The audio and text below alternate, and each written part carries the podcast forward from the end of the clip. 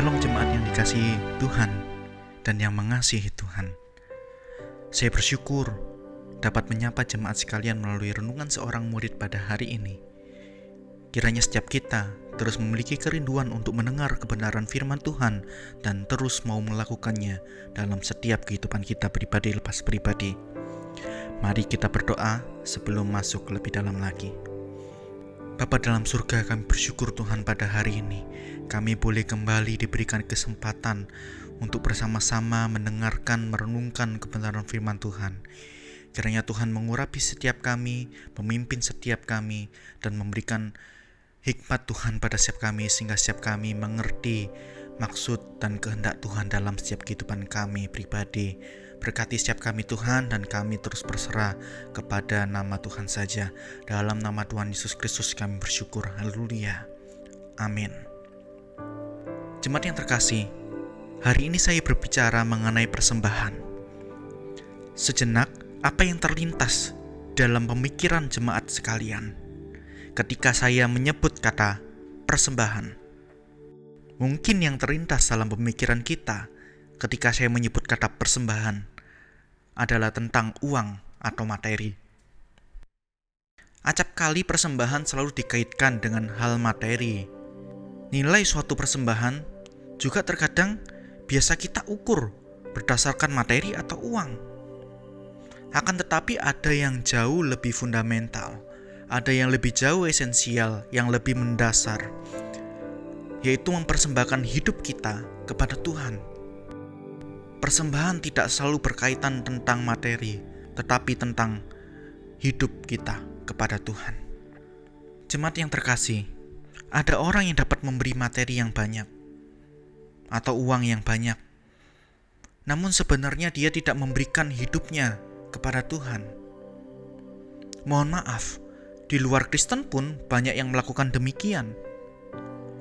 Jika kita seperti itu, apa bedanya kita dengan mereka masih hangat di dalam berita yang kita dengar atau kita tonton dalam media. Ada beberapa anak muda yang melakukan suatu kegiatan sosial yang menurut dia.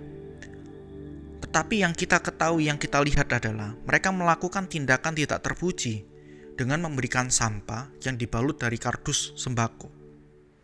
Banyak orang yang mencibir dan mengutuk perilaku anak muda itu karena Ya karena mereka memang melakukan suatu aksi yang tidak terpuji, yang tidak pantas, yang melukai banyak orang. Namun, pernahkah terlintas dalam pemikiran kita, Bapak Ibu Saudara sekalian, bahwa kita pun juga pernah berlaku demikian kepada Tuhan?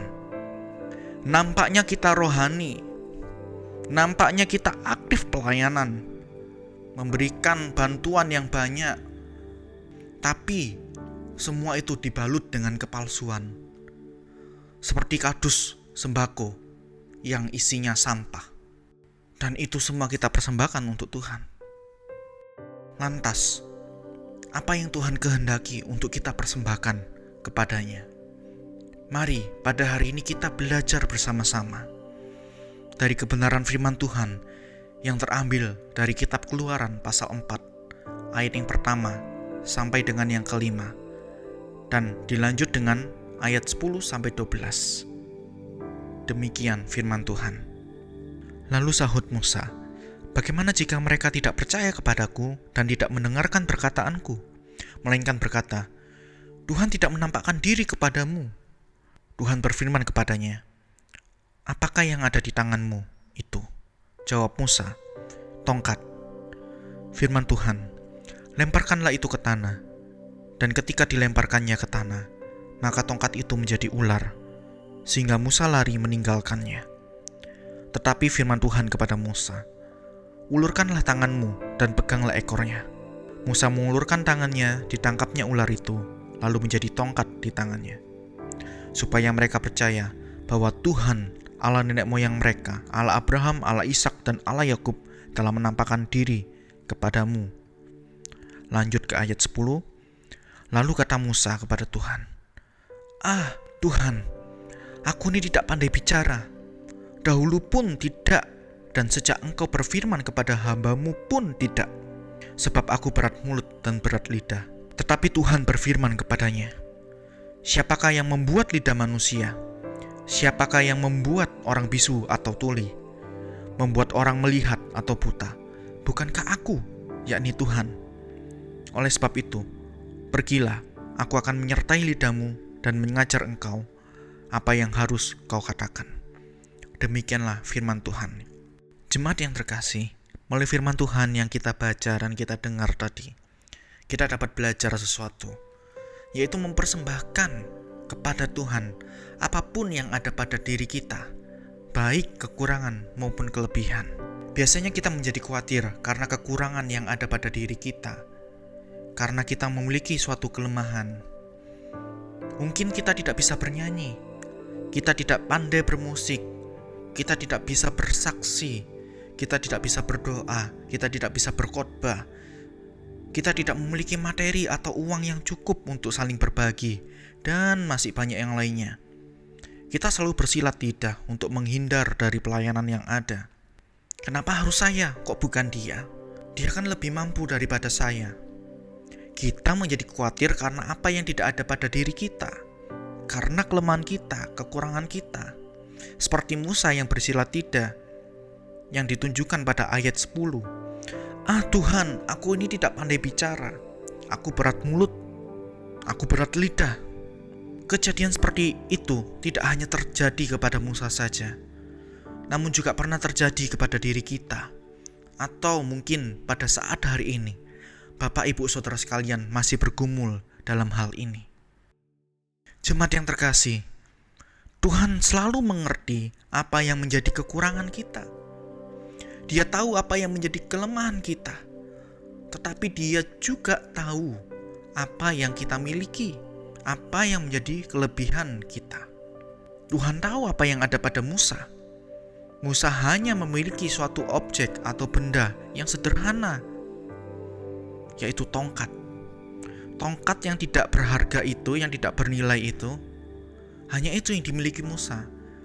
Namun, ketika Musa membawanya di hadapan Tuhan, maka Tuhan dapat memakai tongkat yang sederhana itu menjadi alat pembuat tanda-tanda mujizat dari ini kita bisa melihat jemaat yang terkasih, yang Tuhan inginkan dari Musa adalah suatu ketaatan, ketaatan untuk mempersembahkan baik dari kekurangannya ataupun dari sesuatu yang dimilikinya kepada Tuhan.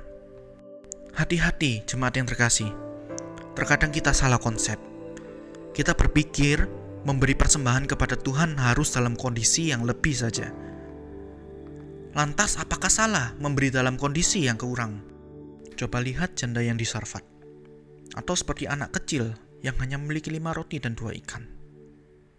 Mempersembahkan dari kekurangan kita kepada Tuhan bukan berarti kita melakukan suatu kesalahan. Tetapi mempersembahkan kekurangan kita kepada Tuhan juga bukan berarti kita memberinya dengan asal-asalan. Saya hanya punya ini Tuhan, ya udah. Bukan seperti itu. Misalnya, kebetulan saat itu tidak ada worship leader lain atau liturgis lainnya. Hanya Bapak Ibu Saudara sekalian yang saat itu memiliki waktu untuk melayani Tuhan. Tetapi suara Bapak Ibu Saudara sekalian kurang baik. Apa yang Bapak Ibu Saudara lakukan? Apakah asal-asalan Apakah Bapak Ibu Saudara sekalian mencoba untuk berlatih terus-menerus terus-menerus sebisa mungkin dengan penuh ketaatan untuk melayani Tuhan? Sekalipun Tuhan meminta kita untuk memberi dari kekurangan kita kepada Tuhan. Bukan berarti dengan sikap yang asal-asalan, tetapi seharusnya kita memberinya dengan sepenuh hati, dengan penuh persiapan, dan kita persembahkan untuk Tuhan. Terus kalau memberi dengan kelebihan, kita boleh memberi dengan asal-asalan. Bukan berarti seperti itu juga, jemaat yang terkasih. Justru di dalam kelebihan kita, kita harus dengan penuh kerendahan hati memberinya kepada Tuhan, bukan dengan asal-asalan. Apa yang ada pada diri kita saat ini, jemaat yang terkasih? Mari kita bawa di hadapan Tuhan. Mungkin itu sesuatu yang tidak berarti di hadapan manusia, namun jika kita membawanya di hadapan Tuhan, maka yakinlah Tuhan sanggup membuat apa yang ada pada diri kita menjadi alat saluran untuk kemuliaan Tuhan. Dan nama Tuhan semakin diagungkan. Jangan pernah berpikir, memang tidak ada, tidak ada sesuatu yang berharga dari diri kita untuk dibawa di hadapan Tuhan. Nggak ada yang layak yang saya miliki untuk saya bawa kepada Tuhan. Jangan pernah berpikir demikian. Ingatlah bahwa selalu ada tongkat yang sederhana itu yang dapat kita persembahkan kepada Tuhan jika Tuhan mengendakinya. Jangan juga berpikir, "Ya Tuhan, aku punya ini, aku punya itu. Aku bisa ini, bisa itu. Aku pandai ini, pandai itu." Maka pakailah aku Tuhan. Dahulu saya pun juga berpikir demikian. Saya berpikir, Tuhan aku bisa musik. Maka pakailah aku di bidang musik saja. Namun jangan Tuhan paksa aku untuk berkhotbah. Jika ada dari kita pada hari ini, jemaat yang terkasih, berpikir yang sama seperti yang saya dahulu, mari sama-sama kita berubah. Kita bawa seluruh kekurangan, kita bawa seluruh kelebihan kita dengan penuh kerendahan hati di hadapan Tuhan. Sebab yakinlah Tuhan pasti akan menyertai kita, baik di dalam kekurangan maupun kelebihan yang kita miliki. Karena yang Tuhan inginkan dari kita adalah hidup kita. Apa yang ada padamu, persembahkanlah kepada Tuhan. Tuhan Yesus memberkati. Mari kita berdoa. Bapa dalam surga kami bersyukur untuk firman Tuhan pada hari ini yang mengingatkan setiap kami Tuhan bahwa kami harus mempersembahkan setiap kehidupan kami. Ketika kami merasa kami tidak layak, kami tidak mampu Tuhan, tolong ingatkan setiap kami bahwa sesuatu yang kurang, bahwa sesuatu yang sederhana pun ketika dengan kerendahan hati kami membawanya kepada Tuhan. Tuhan sanggup memakai yang sederhana itu untuk kemuliaan Tuhan. Dan ingatkanlah kami Tuhan, di dalam segala kelebihan yang Tuhan sudah titipkan kepada setiap kami. Untuk terus dengan kerendahan hati kami persembahkan untuk Tuhan, untuk kemuliaan nama Tuhan. Biarlah firman Tuhan terus menjadi pelita bagi setiap kehidupan kami. Terima kasih Tuhan, kami bersyukur dan berdoa hanya dalam nama Yesus Kristus. Haleluya. Amin.